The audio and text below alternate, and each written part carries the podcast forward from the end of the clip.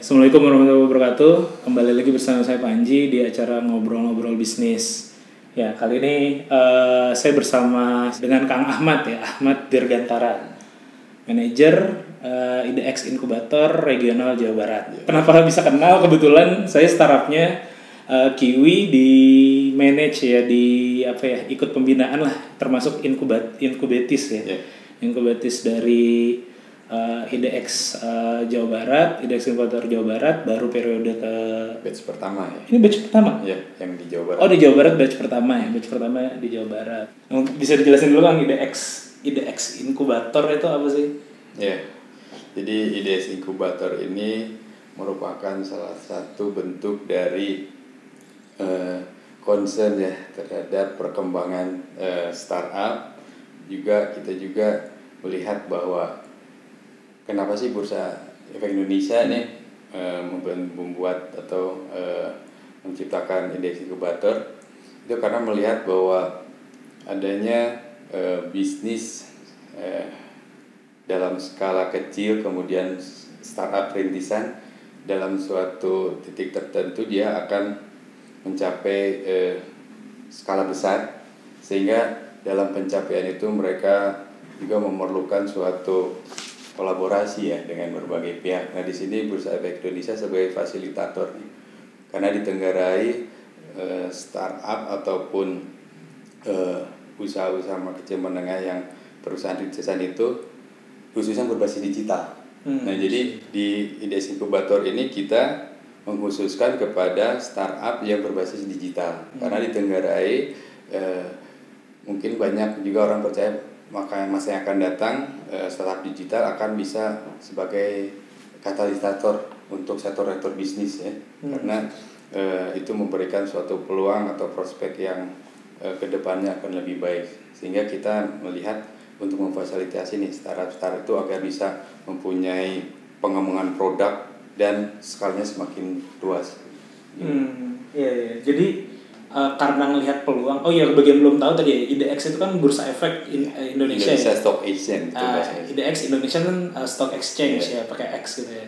Berarti memang kan pasar pasar modal. Iya, pasar modal. yang mem- uh, menjembatani atau menjadi penyelenggara uh, Perdagangan. perdagangan modal dari perusahaan-perusahaan uh, Perdagangan terbuka, efek. ya, Ya, perdagangan jadi- efek ya. Jadi pasar modal itu sama dengan pasar-pasar biasa mempertemukan penjual dan Penjual dan pembeli. pembeli. Cuma di pasar modal itu mempertemukan antara orang yang kelebihan dana Mhm. dengan orang yang memerlukan dana di situ dipertemukan.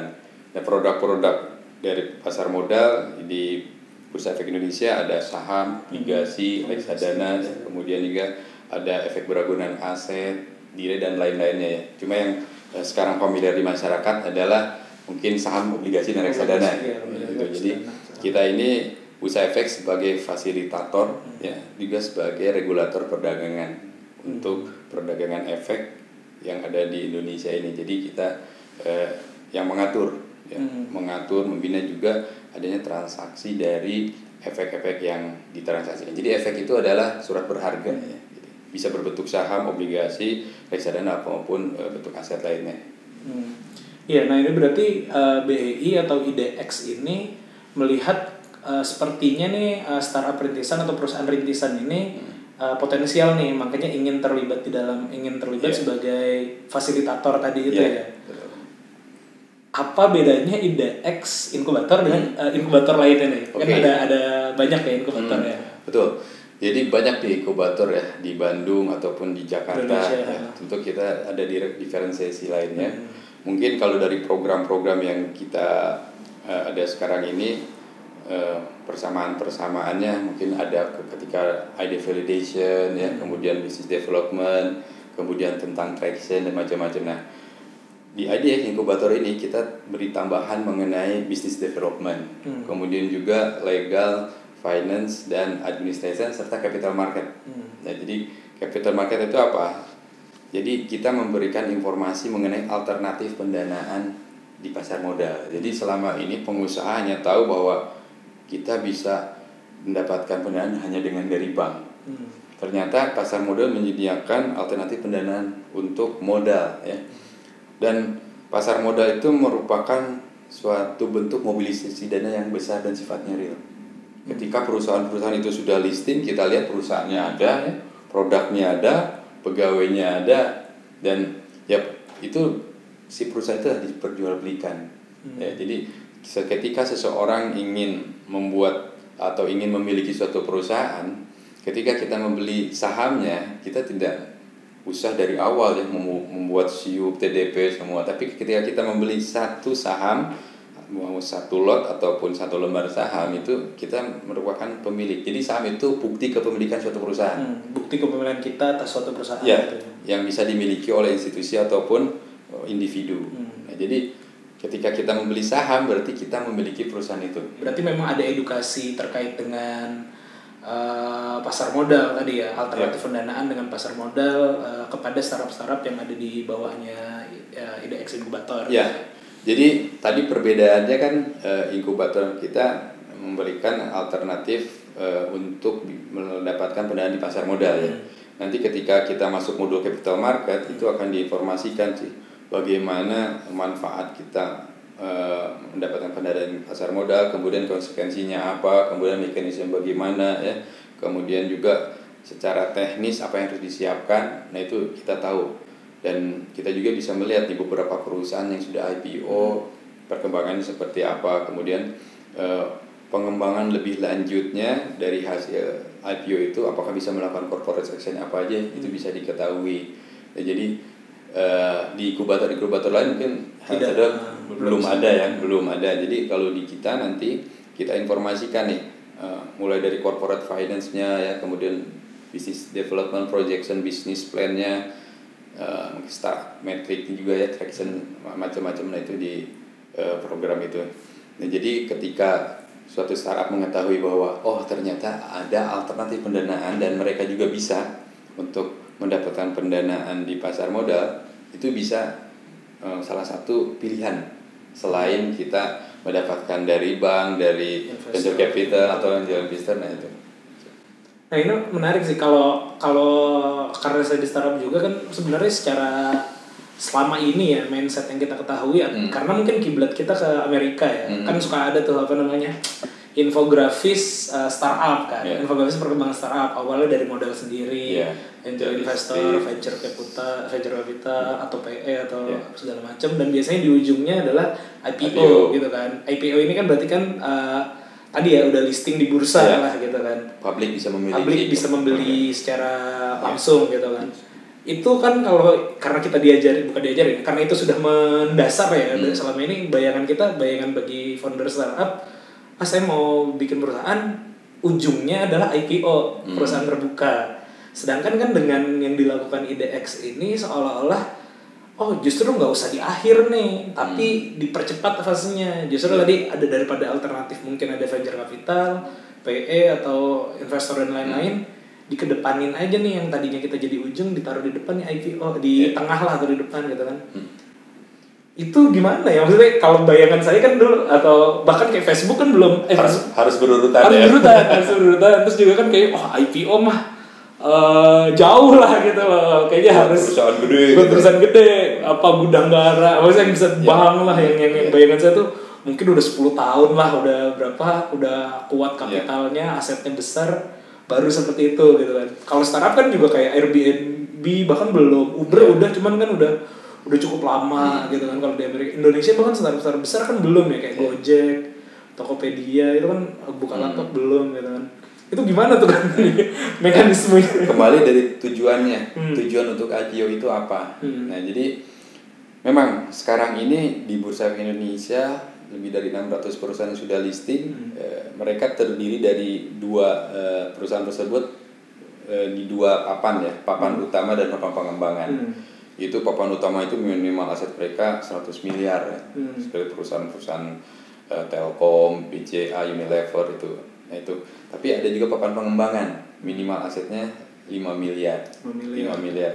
nah itu mungkin ya masih dianggap besar nah rencananya uh, di tahun ini hmm. kalau undang-undang peraturannya sudah uh, berjalan atau sudah disetujui oleh OJK akan ada namanya papan akselerasi.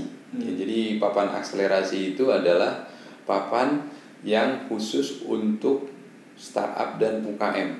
Jadi hmm. persyaratannya minimal asetnya tidak harus minimal 5 miliar, Hmm. dia di bawah 50 miliar. Di bawah. Di bawah 50 miliar. Hmm. Kalau yang tadi papan utama itu minimal 100 miliar. Papan pengembangan minimal 5 Lima miliar. miliar. Kalau ini di bawah 50 miliar.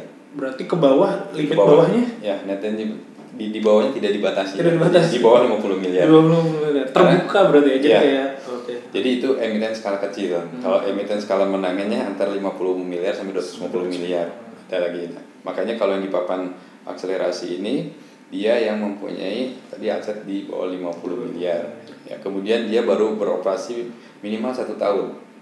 Dibuktikan dengan adanya pendapatan dalam satu tahun tersebut. Kemudian juga dia boleh rugi dengan proyeksi enam tahun kemudian untung 6 tahun. kemudian Hmm. tuh, ya, proyeksi seperti itu. Kemudian nanti eh, dia juga nanti transisi untuk GCG-nya selama satu tahun ya. Hmm. Gitu, corporate Good governance. Iya, iya, dikasih waktu satu tahun. Nah jadi ketika papan akselerasi itu nanti sudah berlaku, maka kesempatan untuk mendapatkan pendanaan di eh, Bursa Efek Indonesia yang melalui instrumen pasar modal saham itu bisa dilakukan oleh UKM atau startup yang ada di Indonesia ini. Mereka bisa mendapatkan pendanaan dari, dengan eh, melistingkan perusahaan dan mendapatkan pendanaan dari Publik. Itu. Mungkin sek- sekarang yang kelihatan Tokopedia, Gojek atau yang besar itu mereka belum listing ya karena mereka masih suntikan dana besar-besar dari Hmm. visi atau angel investor. Dan mungkin suatu saat titik akhirnya IPO karena ketika mereka melihat sudah ditinggalkan oleh para visinya di sini publik jadi standby buyer nih udah tahu nih ini brand perusahaan ini Bagus. begitu mereka ditawari perusahaan bagus kan dengan Relatif namanya mau beli. iya relatif orang mau beli nah jadi ujung-ujungnya sih kalau saya lihat mungkin ya sekarang sekarang belum ya suatu saat ujungnya bakal ke situ sih Hmm. Jadi tadi ya kan ada eh, saat ini yang eh, publik ketahui adalah papan utama tadi Iya. itu ya dan sekarang sudah ada papan pengembangan. ya papan pengembangan Pengembangan itu yang di atas 5 miliar. ya dasarnya dari POJK nomor eh, 53 ya tahun 2017 Hmm, Itu- berarti udah dua tahun terakhir ini memang ya undang-undangnya sudah ada, ada. Ya. kemudian yang belum ada itu sekarang peraturan perdagangannya yang masih digodok Oh, juga menurut persetujuan dari OJK Hmm. Dan nanti akan ada papan akselerasi yang eh, secara secara aset itu kecil ya Iya. bisa bisa yang eh, skala kecil gitu. 50 miliar ke bawah Eh, dan juga dari sisi apa namanya income statementnya bisa rugi dulu Iya. dalam dalam proyeksinya nanti enam tahun lagi akan bisa untung Hmm. berarti ini memang kayak bener-bener sangat apa ya sangat memudahkan ya maksudnya sangat syaratnya tidak Ya. sesulit perusahaan besar ya kayak gitu ya besar ya kalau perusahaan besar syaratnya kan yang tadi di papan pengembangan harus WTP ya. WTP good governance dari awal udah Iya, langsung kalau dikasih masa transisi selama setahun juga nah jadi ini kesempatan yang bisa eh, teman-teman startup Hmm. eh, kalau salah satu pilihannya untuk melakukan alternatif pendanaan dengan capital market Hmm. ini salah satu waktunya ya untuk memilih Hmm. karena eh, ketika kita lihat saya teman-teman ada yang sudah mendapatkan pendanaan dari visi seperti itu kadang mereka mendapat pendanaan dari beberapa visi ya, dengan target-target tertentu yang membuat mereka juga kelimpungan ya. Iya betul. Kadang mereka berpikir kenapa nggak IPO aja dari awal? Gitu. Hmm. kalau IPO kita yang ngatur kita masih tetap mayoritas. Mayoritas Benar-benar mayoritas dan jalannya perusahaan ini mau ke kiri mau ke kanan gimana kita sebagai founder kan? Kadang ada yang berpikiran seperti itu juga jadi oh kenapa nggak ini dulu aja IPO dulu ya biar mereka bisa semakin eh, masih men- bisa menentukan perusahaan sesuai dengan keinginan foundernya gitu. Itu itu pilihan-pilihan yang bisa teman-teman startup eh, lakukan Ambil, ya. ya. Nah, ambil. Jadi kita memang bisa memanfaatkan sih se- semua alternatif pendanaan itu ya. Hmm. mulai dari tadi visinya ataupun dari angel investor. Dan di capital market itu ya ketika suatu perusahaan contohnya saya contohkan rumah sakit mitra keluarga ya. Ketika dia IPO dia asetnya hanya 3 triliun ya. Ketika dia IPO fundraise dia lepas 18% sahamnya dia hanya dapat 18 persen 18% lepas ke publik dia dapat dana sekitar 4,4 triliun triliun berarti double melebihi asetnya. ya dan Lebih aset ketika kita pinjam ke bank apa dimungkinkan seperti itu Iya. ya. Di bank itu paling 30 persen, paling 50 persen dari aset. Dari aset, ya. Ya, Nah, tapi kalau di capital market bisa seperti itu ya. Jadi Dan hanya 80 18 persen. 8%, Berarti kan Mas- secara masih valuasi mayoritas. besarnya. Iya, kitanya masih masuk Oh, masih mayoritas mayoritas. dan itu memang uh, orang kenapa mau beli ya karena melihat proyeksi bisnisnya bisnisnya Hmm. ke depan itu mereka mempunyai proyeksi yang mereka anggap uh, mendapat apa akan mendapatkan keuntungan ya Hmm. Nah kalau dari sisi oke dari sisi startupnya ini sangat potensial nih dan memang lagi digodok ya mudah-mudahan bisa segera jadinya eh, ini, ya. banyak yang bisa mencoba mungkin nanti kan ada ada jalur-jalurnya Iya. lah biar bisa ini. Cuman kan kemarin eh, oh sebelum masuk itu kemarin-kemarin kan sebenarnya ada beberapa yang apa dalam tanda kutip startup masuk bursa juga. Dan kalau nggak salah ada yang dibina di IDX Jakarta juga kan? Di ya bulan November ya November ya atau Desember. kemarin salah satu binaannya pasport ya. Pasport ya pasport yang wifi gitu ya. bursa. Kodenya itu yellow ya kalau nggak salah yellow. Eh, karena kode atau tickers itu biasanya empat huruf. Empat huruf. empat huruf. Dia salah satu binaan IDS Inkubator Jakarta. Hmm. Yang kemudian dia telah melakukan IPO di tahun kemarin ya Hmm. kalau salah dia mendapatkan pendanaan sekitar 40 miliaran ya 40 miliar. 40. nah itu eh, bisa menjadi salah satu alternatif juga bagi teman-teman startup ya karena di lepasnya berapa tuh bang? Saya coba saya lihat dulu persentasenya ini. Hmm. Jadi eh, sebelum melakukan IPO dia memang eh, bertemu dengan mitra strategis dulu ya Hmm. untuk semakin Menguatkan. eh, menguatkan ya menguatkan dari eh, bisnisnya dia 48 miliar waktu itu dia lepas waktu itu 24 persen ya 24%. publiknya sekarang 24 persen dia waktu itu keluar harganya di 376 rupiah per per lembarnya ya. Jadi per satu sahamnya. Karena sekarang sudah ben- bukan bentuk lagi kertas jadi nggak dihitung lembar tapi saham. Jadi scriptless sekarang catatan elektronik. Ya, dia 40 48 miliar. Ya, dari hanya yang asetnya sekitar 5,6 miliar. Iya, jadi. Nah, itu kan dia melakukan berarti dia masuk ke papan pengembangan. Dia masuk ke papan pengembangan karena Hmm. kan asetnya dari 5 Asetnya 5 miliar, Ya, berarti dari dia lima- masuk ke papan pengembangan, tapi perlu ada juga backupers ya tadi ya itu yang ya mitra strategis yang mitra untuk menguatkan ya mungkin suntikan ke modal di store-nya biar lebih besar ya Hmm. untuk menarik Dan hanya 24% dapat 48 miliar ya. Iya. Berarti kalau kalau di startup Indonesia itu kan kayak setara mungkin di series A lah ya. Iya. Series A untuk Series. 24% bisa jadi udah lebih gede karena sebelumnya kan udah ada angel dan segala macam Iya. bisa jadi untung mungkin udah 30 persenan kalau di Iya. 30 persen 40 persen kalau di series, Series A, ya. Nah, kena udah mulai habisnya ya founder mungkin masih tinggal uh, enam- masih mayoritas tapi lebih sedikit Hmm. jadi memang jadi alternatif banget ya ya alternatif pendanaan makanya eh, kita bisa melakukan pendanaan dengan financial engineering ya Hmm. dengan berbagai macam bentuk instrumen yang ya kalau itu salah satu pilihan kita dan cocok dengan kita silakan diambil tahun 2017 atau 2018 juga kan ada kiosa eh, uh, Hmm. kiosan ya kiosan itu kan uh, Kioskon ya uh, dia buka dia style startup juga kan seolah-olah ada Iya. satu produk dari dari satu produk dan di listing juga jadi memang udah saat ini sudah mulai terjadi lah ya paling nggak tiga atau dua atau tiga startup Iya. uh, yang sudah mulai masuk ke listing gitu. Nah pertanyaannya gini kan itu kan kalau perusahaan startup uh, adalah perusahaan baru perusahaan rintisan yang mana uh, dinamis banget tuh. Hmm. kadang-kadang pivot kadang-kadang bisnis modelnya belum jelas. Uh, bagaimana bisa meyakinkan publik ya untuk membeli di situ? Sama mungkin ada nggak sih kayak proteksi ke publik untuk terkait dengan uh, ini ya terkait dengan kepemilikan ini kan artinya publik Iya, beli kan iya. Uh, ada proteksinya sih takutnya kan oh ini startup oke menarik nih beli Uh, apa gitu misalnya tapi ternyata uh, tiga tahun lagi udah nggak ada atau kayak gitu Ya, itu memang resiko beli saham itu satu ta- tadi keuntungannya ya. Tadi kita keuntungan tadi capital capital gain dan ya, keuntungan. capital gain dan dividen ya. Ya, Dan kalau yang salah satu risikonya satu dia capital loss ya. Hmm. Kita eksekusi ketika harganya turun, eksekusi jual. Yang keduanya ada ketika perusahaan itu bangkrut Hmm. untuk eh, ketika perusahaan itu tidak lagi ada ya. Nah itu makanya ketika investor-investor ingin membeli saham, dia harus mempunyai analisa resiko seperti Hmm. eh, yang cukup eh, bekal yang cukup ya untuk melihat proyeksi kinerja suatu perusahaan.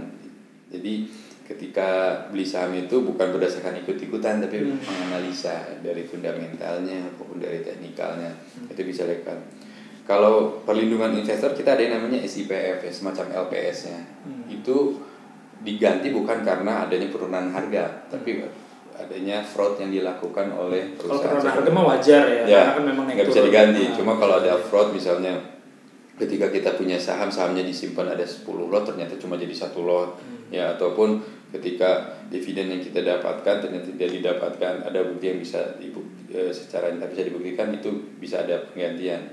Itu fraud yang dilakukan oleh eh, misalnya eh, sekuritas, perusahaan sekuritas seperti itu. Nah, itu eh, untuk lah perlindungannya. dan nggak mesti startup juga ya maksudnya perusahaan besar pun yang tadi yang bisa di papan Ya. utama pun bisa terjadi seperti itu Bisa, ya jadi bisa mereka startup juga nggak apa eh, menurunkan ya, kinerja seperti itu ataupun ada yang bangkrut juga bisa Bangkrut, terjadi iya, ada juga yang- ada yang gagal bayar Ah. obligasi ataupun itu itu bisa terjadi sering juga terjadi kayak ada beberapa yang kemarin dibukukan juga kan sempat bulan Iya. tahun lalu itu kan oh, kondisi perusahaan itu karena mereka diwajibkan memberikan laporan keuangan setiap tiga bulan bulan ya. dan satu tahun diaudit selain itu setiap tahun harus ada laporan tahunan nah Hmm. di laporan tahunan itulah bisa kita ketahui apa yang terjadi di perusahaan tersebut mulai dari strateginya ke depan seperti apa Hmm. evaluasi tahun lalu prospek ke depan bisnisnya mau ke mana ya, sampai jumlah pegawainya juga ada Hmm. konglomerasinya ke mana saja Dan di laporan tahunan itu eh, dia redaksinya seperti cerita ya Hmm. seperti, seperti company profile Hmm. tapi di situ ditambahin strategi perusahaan mau ke arah mana kemudian juga direksi komisaris di situ ada Coba. bisa tahu ini siapa sih direksi komisarisnya siapa Hmm. kita bisa tahu jadi misalnya orang-orang yang kompeten di bidangnya ada di situ kan Eh, itu makin meyakinkan ya, ya, gitu ya. ya. seperti itu Nah, kalau balik lagi ke tadi ke startupnya, ya. tadi kan startup berarti eh, ancang-ancang baru startup-startup yang baru pada memulai nih atau sedang jalan bisa jadi alternatif lah ini Hmm. kalau nanti eh, papan pengembangan udah di udah oke ya papan pengembangan udah bisa dicoba atau nanti papan akselerasi yang lebih mudah eh, yang lebih mudah untuk dicapai lah Ya. karena tidak ada minimum ininya ya tidak tidak ada minimum asetnya. Nah, ini model kayak gini ada nggak sih di luar negeri atau Indonesia memang lagi nyoba-nyoba aja? Just- justru di luar negeri Justru di luar negeri duluan, ya? ya, di luar negeri mereka eh, di situ papan akselerasi sudah ada di Amerika ataupun di Australia itu sudah jalan Hmm. Ya, jadi di beberapa negara juga sudah jalan ya kita ini justru kan kenapa di negara lain bisa gitu Hmm. Ini di Indonesia sebenarnya bisa ditempatkan karena kan ekonomi kita juga UKM-nya cukup besar ya. UKM-nya juga cukup besar. Perusahaan start, rintisan startup juga semakin banyak juga dan perkembangannya juga bagus ya semakin eh, mempunyai prospek yang bagus juga. Nah ini salah satu sih me- memberikan ya eh, memberikan alternatif pendanaan bagi mereka lah gitu. Sehingga Hmm. mereka bisa concern eh, kepada bisnisnya ya alternatif pendanaan bisa ke capital market gitu. Kalau secara glo, glo- maksudnya secara keseluruhan ya papan utama eh, Indonesia ada berapa yang perusahaan yang listing sih di situ? Kita ada sekitar sekitar 600-an lebih ya, sekitar 640-an kemarin. 640 perusahaan. Ya, jadi kita Dan itu angkanya masih kecil ya dibanding Ya, ditargetkan tahun ini bertambah 75 75 perusahaan yang Oh, 75 perusahaan. Tahun ini hampir ditargetkan. 700 lah ya. OJK menargetkan 75 sampai 100 ada perusahaan yang listing di bursa di tahun ini. Jadi lumayan besar juga untuk ditargetkan. Yaitu makanya dibuka ini papan akselerasi juga untuk memberi kemudahan ya kepada eh, para pelaku industri khususnya pada UMKM dan startup untuk bisa memanfaatkan ini karena eh, kalau kita lihat eh, untuk listing itu kan dulu memang cukup berat ya di persyaratan persennya sekarang mulai dibuka Selain eh, apa ada papan akselerasi, Hmm. katanya juga OJK dan mungkin eh, Oke. IDX juga berperan di situ gitu ya untuk Hmm. lagi mengadakan namanya eh, crowdfunding berbasis equity ya. ya equity crowdfunding Equity crowdfunding, atau gitu ya. layanan dana urunan lah Dan urunan untuk modal gitu ya. ya untuk modal dengan menggunakan platform eh, Digital online. online. Ya, digital. Jadi tuh kan? Bisa jadi begini, eh, program di IDES Inkubator yang sekarang ini eh, tahapannya yang nah, yang Kang Panji ikut juga yang sekarang itu tahapannya masih di programnya seed funding series A ya, sampai eh, nanti mendapatkan eh, pendanaan mungkin dari networking kita isi atau angel investor. Nah sekarang dikembangkan lagi ada equity crowdfunding. Ya. Jadi eh, analoginya saya mirip dengan fintech ya. Kalau eh, equity crowdfunding, tapi kalau crow- crowdfundingnya fintech itu kan dia peer to peer lending ya seperti itu. Kalau ini merupakan eh, salah satu bentuk alternatif sumber dana bagi pelaku usaha kecil ataupun startup dalam permodalan. Jadi layanan urun dana ini merupakan layanan penawaran umum saham dengan menggunakan platform online. Nah, jadi nanti itu eh, satu perusahaan ataupun startup atau UMKM bisa mendapatkan maksimal 10 miliar untuk pendanaan dengan menjual sahamnya melalui platform equity crowdfunding ini. Nah, di sini ada tiga pihak yang terlibat. Di sini ada yang namanya penerbit. Penerbit itu yaitu perusahaan yang mau menurunkan dana, kemudian ada penyelenggara. Nah, penyelenggara ini merupakan platform yang mempunyai izin dari OJK dia nanti mempunyai eh, bisa bertindak mungkin seperti eh, perusahaan efek ataupun underwriter ya ataupun seperti pengelolanya seperti pengelola bursanya gitu ya. Jadi itu di penyelenggara. Penyelenggara. penyelenggara. Dia nanti yang akan menyediakan mengelola dan mengoperasikan. Oke. Eh, si ini ya si, si si pasarnya. platformnya ya. si pasarnya itu.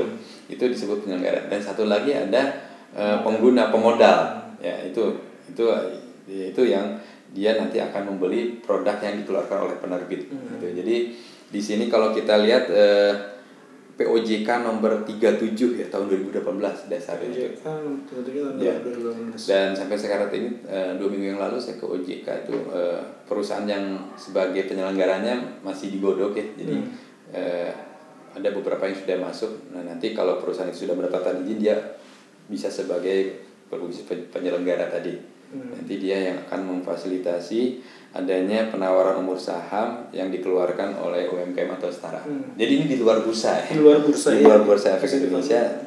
Ini bisa saingan bursa sebenarnya. Tapi kan untuk yang nilainya kecil Iya. kan sebenarnya kan. Ya, tapi kalau banyak jadi besar. Cuma kita men- didorong juga untuk itu, untuk eh, startup kita mendapat pendanaan juga dari equity crowdfunding. Mungkin nanti yang Kang Panji juga bisa kita bisa, bisa, uh, masukkan. mengarah ke situ juga kalau nanti sudah ada penyelenggaranya. Yang diberi izin oleh OJK. Hmm. Nah kalau kalau itu oke bisa difahami lah sebenarnya kayak crowdfunding umum, cuman crowdfunding umum kan selama ini financing ya Iya. sifatnya pembiayaan proyek. Hmm. Pembiayaan proyek ada investor, ada yang pemilik proyek, ada pembiayaan uh, platform itu adalah penyelenggaranya. Iya. Kalau nanti kan uh, bukan ba- berbasis proyek tapi berbasis equity ya. Ya, equity, tapi equity itu juga nanti bisa aja dia dapat pendanaan untuk pembiayaan proyek. Pembiayaan proyek bisa aja, cuman kan aja. kalau equity uh, Hmm. bukan langsung ke proyek. langsung ke proyek dan Iya. juga eh, apa namanya eh, ada ROI dalam jangka yang mungkin relatif lebih pendek lah bisa jadi Iya.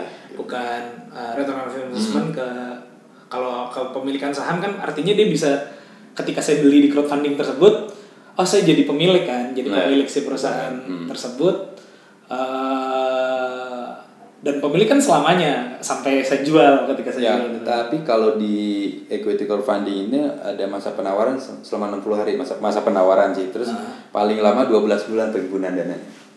Oh, Eh, berarti setelah 12 bulan pengguna ya paling paling paling bulan mungkin dana. bisa mereka ada bisa buyback juga Bisa ataupun buyback. Oh, tapi ada aturannya lagi nanti. Oh iya. iya. Oh jadi memang Ada uh, beda dengan ada- saham. Kalau saham nggak ada masa expire ah, gitu sebenarnya. Tapi kalau mau diakip juga nggak apa-apa sih. Oh, jadi Tapi intinya kalau itu penghimpunan dananya yang paling lama 12 bulan itu. Hmm. Dan nanti juga penggunaan dana itu nanti harus ada pelaporannya ya, pelaporan tengah tahun, kemudian baik dari penyelenggara maupun penerbit ada laporan-laporan yang mereka Hmm. berikan. Nah kalau apa namanya oke lah eh, berarti nanti penyelenggara ini juga yang melakukan verifikasi terhadap perusahaan atau ada lembaga lain ya Eh, si eh, penyelenggara akan melakukan verifikasi terhadap penerbit ini. Ya, itu Atau jadi fungsi-fungsi bursa seperti itu ada di penyelenggara itu, fungsi OJK aja. Jadi ya tadi dia yang menyediakan, dia juga yang mengoperasikan Mengoperasikan. ya, dan dia juga nanti yang eh, di pasarnya itu dia yang di platformnya dia yang Ah. meng- apa hubungan antara penjual dan pembelinya itu. Ya, jadi ya Berarti itu. menjamin juga di situ agar Ya, di bank custody di situ juga custody nanti ditunjuk banknya tapi melalui penyelenggara itu yang sudah perjanjian dengan bank custody. Bank Jadi ya sebenarnya si penyelenggara itu di situ dia berperan sebagai beberapa institusi kalau di, Di- di- iya. sekarang yang di pasar modal sekarang dia mewakili beberapa Beberapa institusi lembaga, ya. iya. Ya, Powerful sebetulnya- juga. Iya, makanya dia harus punya izin dari OJK gitu, gitu ya. IDX ada mau bikin sendiri nggak? Uh, Ya. Soalnya di bawah. IDX. Harusnya dia bikin anak perusahaan Bikin anak perusahaan untuk Tapi itu belum sih belum ya. Nah, soalnya gini kan, kan kemarin sempat ada kasus, maksudnya ini kita belum ngomongin equity, Nah. kan baru sempat ada nih salah satu teman juga lah, nah Hmm. kenal juga. Kebetulan si perusahaan tersebut sempat mau meng-hire perusahaan saya untuk bikin platformnya, Hmm. sempat sempat Yeah. cuman waktu itu nggak cocok harga atau apalah Hmm. kita nggak jadi. Kan lagi f- Yeah. bukan fraud ya, apa lagi naik lah Hmm. isunya bahwa si startup ini menghimpun menghimpun tapi ternyata dipakai untuk tidak sesuai dengan peruntukannya Hmm. gitu kan bahkan itu yang basisnya bukan berbasis equity tapi berbasis proyek kan Hmm, ibaratnya saya beli apa ada petani butuh modal untuk bikin ini tanaman didanai Dan gitu itu kan situ, platform itu. itu menjadi maksudnya oke lah dari sisi sisi sudut pandang startup atau sudut pandang UMKM ini kabar yang Hmm. menggembirakan lah eh, panel akselerasi apalagi yang equity crowdfunding ini nah cuma kan bagi investor agak ini juga ya agak tak agak takutnya kalau si penyelenggara ini begitu powerful Nah, nah, tapi tetap diawasi oleh OJK juga. ada pengawasan Ya, ketatnya juga. dia ada pengawasan dari OJK, kemudian juga suatu, apabila si penyelenggara itu merubah kepemilikannya dia harus laporan juga ke OJK. Ah, Jadi bisa mau kabur pelan-pelan dia jual perusahaan nggak bisa dia harus tahu karena iya. nanti juga ketika eh, OJK memberikan aturan-aturan yang ya untuk perlindungan investor juga ya Hmm. mungkin. Jadi kalau kita lihat ini salah satu juga nih tambahan alternatif pendanaan juga ya Hmm. bagi teman-teman startup dan yang UMKM sih terutama Iya. ya UMKM kalau UM- kalau startup mungkin sekarang lebih eh, opsinya lebih terbuka tapi UMKM kan kebanyakan hanya bank saja ya hanya bank ataupun pemodal dan si penerbit juga dia nggak boleh perusahaan terbuka ya nggak Ah. boleh terafiliasi dengan mereka atau konglomerasi dengan mereka ya kalau perusahaan terbuka lagi dia dapat lagi bikin- di situ lagi, di iya. situ lagi ya apalagi Nanti yang kalau perusahaan besar kan pinter Iya. financial engineering makanya itu dikasih alternatif lain juga untuk UKM dan teman-teman startup ya siapa Hmm. ikuti crowdfunding jadi menambah ragam juga walaupun itu di luar bursa ya Di luar bursa, Nah, ya. di luar bursa karena yang di project dari ide inkubator yang sekarang Hmm. kita ada beberapa eh, apa ya pergeseran lagi yang tadinya memang benar-benar untuk eh, startup yang eh, IPO eh, tapi kita juga sekarang untuk IPO-nya untuk papan akselerasi kemudian juga di sini dibagi ya kalau ketika yang masa untuk seed funding sampaikan dengan series A sampai equity crowdfunding dia minimal di bawah 15 miliar eh, modal di store eh, ya equity-nya ya lebih kecil 15 miliar. Tapi untuk yang papan akselerasi antara 15 miliar sampai 50 miliar. Oh, Nah, untuk yang tahap tiga, yang equity-nya lebih besar dari 20 miliar itu bisa masuk ke papan pengembangan diarahkannya ke situ. iya, iya, iya. Nah, jadi eh, nanti kita mentor juga di bidang corporate finance-nya, ya. Ke- kemudian untuk yang tadi Oh, yang iya tahap equity di bawah 15 eh, miliar itu yang Kang Iya, tadi iya. sekarang ikuti itu. menarik sih jadi dan tadi dibikin kelas-kelas kayak gitu mungkin juga jadinya materi untuk pesertanya jadi lebih lebih beda-beda Hmm. gitu ya untuk 15 apa eh, 0 sampai Iya. 15 miliar 15 sampai 50 kan Iya. kebutuhan untuk untuk Iya, apa eh, beda. bisnisnya beda-beda Hmm. kan menarik sih kan menarik sih Iya. Apa nih kang ininya eh ke depannya tadi kan berarti banyak banget nih yang dilakukan oleh IDX Hmm. IDX eh, dan IDX Incubator pun mau bikin apa tadi eh, programnya ini sendiri mungkin nanti disalurkan ke crowdfunding Mhm. eh, ikut crowdfunding atau arahnya nanti agar jadi IPO lah papan eh, akselerasi atau pengembangan ya. Nah, itu. itu memang diarahkan nantinya Ya. saya, saya juga pengen sih ya boleh. Makanya saya kerjasama kita ada inkubator kerjasama dengan inkubator-inkubator lain. Hmm. Ya, kan mereka sudah mengikubasi nih startup-startup mungkin sudah ada yang besar, sudah ada yang ingin mendapatkan pendanaan lebih ya lebih lagi kita bisa tawarkan alternatif ini. Jadi kalau kita sesama inkubator mungkin kita saling melengkapi ya karena inkubator itu kan sebenarnya bukan bisnis kita juga kasih gratis kan ide Hmm. inkubator ini kan Hmm. nggak nggak kita mendapatkan dari situ nah jadi apabila nanti eh, ada teman-teman dari inkubator lain binaannya atau alumni dari binaannya ingin melakukan IPO bisa kita kerjasama ya mungkin atau kita sosialisasi ke teman-teman inkubator lain untuk memberi- menginformasikan bahwa ada alternatif-alternatif ini loh Hmm. yang mungkin mereka belum tahu juga atau mereka ingin tahu lebih banyak kalau sudah tahu bisa kita sampaikan juga Iya. Nah tadi itu ya, jadi jadi kepikiran kan se- sebelum nanti terakhir ya. Berarti ide X ini sebagai perusahaan apa eh, perusahaan menyelenggarakan ide X inkubator ini memang tidak take advantage apa apa ya Ya, maksudnya karena kita CSR ini atau ya maksudnya ke CSR saja sih karena kita di sini tidak mengenakan fee apa pun ya. Hmm. kampanye malah gratis ya. iya malah dapat coworking, dapat coworking kemudian dapat training mentoring ya.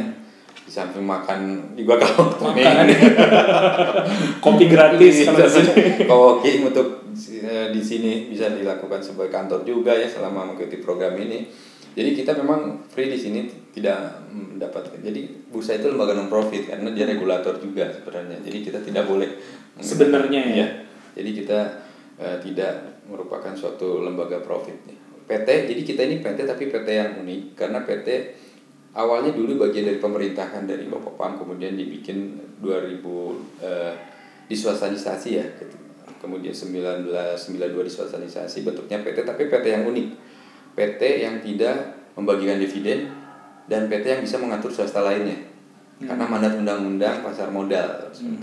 Undang-undang pasar modal nomor 8 tahun 95 menyatakan bahwa bursa satu-satunya eh, yang regulator di perdagangan juga dia bisa mengatur swasta lainnya. Dan tidak ada dividen di PT ini pembagian dividen. Jadi kenapa dibikin eh, disosialisasi karena untuk menjaga pertama dia harus netral ya Hmm. tidak eh, bisa diintervensi oleh pemerintah. karena di, di luar negeri juga sama bursa-bursa terpisah dari eh, pemerintah. Pemerintah. tapi tidak menarik keuntungan berarti tapi eh, Selama ini ada fee semua itu Ah, nanti kan ada fee. semua ini berdasarkan dari OJK yang menentukan. Oh, Yang iya, iya, iya, iya. Berarti termasuk kegiatan ini tidak ada fee-nya Iya. dan tidak ada apa ya, intensi untuk soalnya kalau lembaga profit itu ah, ya kalau inkubator yang diselenggarakan oleh eh, lembaga lain misalnya beberapa BUMN gitu ya kita lihat saja mereka ketika men- apa menginkubasi dan juga mendanai atau jangankan sampai mendanai menginkubasi saja memberi program sudah ada share-nya di situ Hmm. kan. Artinya kan memang arahnya untuk eh, Oh, ada bagi share ya. ada bagi share. kayak misalnya contoh ya pengetahuan saya kayak Telkom kayak gitu kan Kayak dengan Indigo, Indigo-nya. Iya. Dia kan ambil Persentasenya 12 persen iya. ya, sekitar 12 persen lah untuk eh, perusahaan eh, binaannya Hmm. ya, kayak gitu kan Jadi kalau di IDS Inkubator ini kita dari visinya, visinya itu ingin menjadi inkubator bisnis yang melahirkan startup startup berbasis digital yang berskala luas dan siap go public gitu Hmm. eh, visinya. berarti ada ya, ya. Ya, misinya tadi mendukung dan mengembangkan eh, produk serta eh, memperluas skala dari bisnis usaha startup, kemudian membuat eh, mendukung startup untuk membiasakan diri menjadi suatu perusahaan yang mempunyai good corporate governance ya, jadi tata kelola yang baik. Yang ketiganya kita bridging menjembatani eh, akses dengan perusahaan publik atau perusahaan yang sudah tercatat untuk apa yang bisa Kerjasama. dikerjasamakan. Dengan kayak Kang Panji nanti kalau ada yang dipilih siapa? Dan yang keempat kita tadi eh, em, apa ya memberikan pendanaan melalui inve- investor Hmm. bisa angel investor visi ya, dengan network network nya ya. Jadi kita tidak langsung seperti Indigo memberikan pendanaan tapi kita networking-nya apabila demo day nanti presentasi mereka tertarik ya silakan untuk melakukan kerjasama atau kolaborasi dengan eh, investor tersebut. Itu sih yang, yang dilakukan apa visi dan misinya ya. dan tadi kalau divisi sendiri ada memang eh, tertulis eh, ini ya eh, siap untuk IPO gitu ya siap untuk Ya, divisinya tadi. divisinya gitu ya. jadi jadi itu memang itu kelebihannya siap sih sebenarnya. ya sudah untuk go public nih. Jadi kita benar-benar yang mau go public nih di sini ini nanti ujung-ujungnya untuk yang program-program selanjutnya. Kang Wanji tertarik?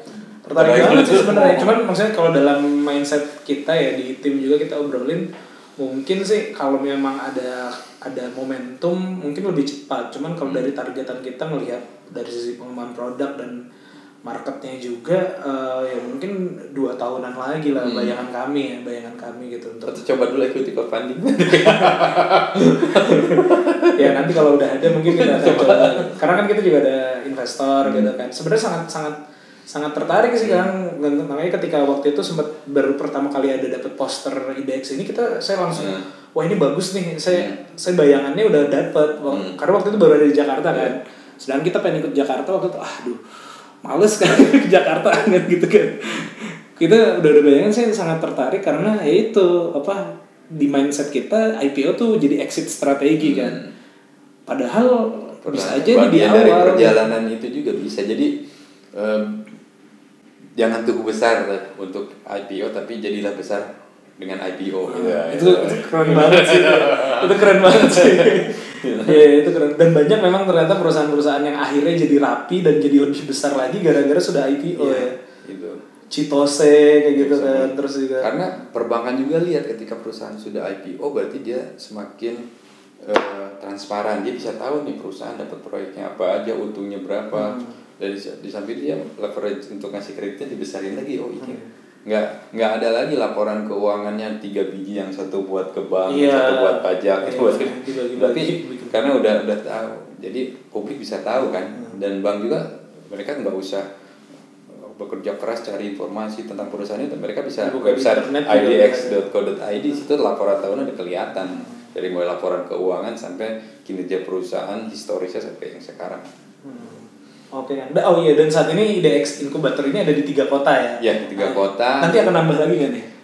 kemungkinan sih uh, uh, masih wacana ya tapi kalau Siapa tahu kan banyak kan ya yang dari kemungkinan di daerah-daerah yang potensi startupnya banyak atau Hmm, kan Jogja banyak. atau kan? ya kemungkinan Jogja Oh saat ini adanya di eh, Jakarta, Jakarta Bandung dan Surabaya. Surabaya dan Jakarta juga sudah tiga batch Bandung baru satu batch dengan Surabaya, Surabaya karena baru Surabaya juga baru satu. ya? sama ya. Surabaya Bandung baru satu batch, Baru Jakarta udah tiga. Iya. Oke, berarti nanti tahun pertengahan tahun ini akan ada opening lagi Ya, insya Allah. pertengahan tahun ini dan itu yang kita lihat nanti yang ada tahap satu yang equity-nya 15, Ah, kemudian 15 sampai 50 untuk papan akselerasi dan untuk pengembangan. Kira-kira Juni papan akselerasi itu udah disahkan gitu kan? Tergantung dari OJK apakah peraturan perdagangan sudah disetujui. Kalau sudah disetujui, Ah, levelnya ini level Ya. peraturan eh, Peraturan perdagangan. perdagangan perdagangan ya. karena peraturan yang eh, munculnya eh, untuk papan akselerasi udah ada di undang-undang Di udah ada 53 ya? ya, Oh, 53 itu tinggal aturan teknisnya Aturan ya. teknisnya ya. Iya, iya, iya. Oke kan mudah-mudahan lah. Kayaknya ini jadi angin segar lah buat ya teman-teman staff Buat teman-teman silakan staff. gunakan alternatif pendanaan ini jadi gunakan berbagai alternatif pendanaan yang ada ini siapa tahu akan membuat startup anda semakin skalanya membesar dan ya keuntungan juga membesar dan ikut programnya IDX ya, Inkubator biar inkubator silakan Biar daftar ke website kami ya di situ di IDS Inkubator nanti tinggal dipilih apakah di kota Bandung atau di kota Surabaya atau Jakarta. Jakarta pilihannya ya sip-sip Kang, Ya. nuhun banget. sama-sama Terima kasih Ya, terima kasih, Mas Andi. ya. Sama-sama. Ya, eh, sekian dari kami selesai. Eh, semoga ada manfaatnya. Assalamualaikum warahmatullahi wabarakatuh. Waalaikumsalam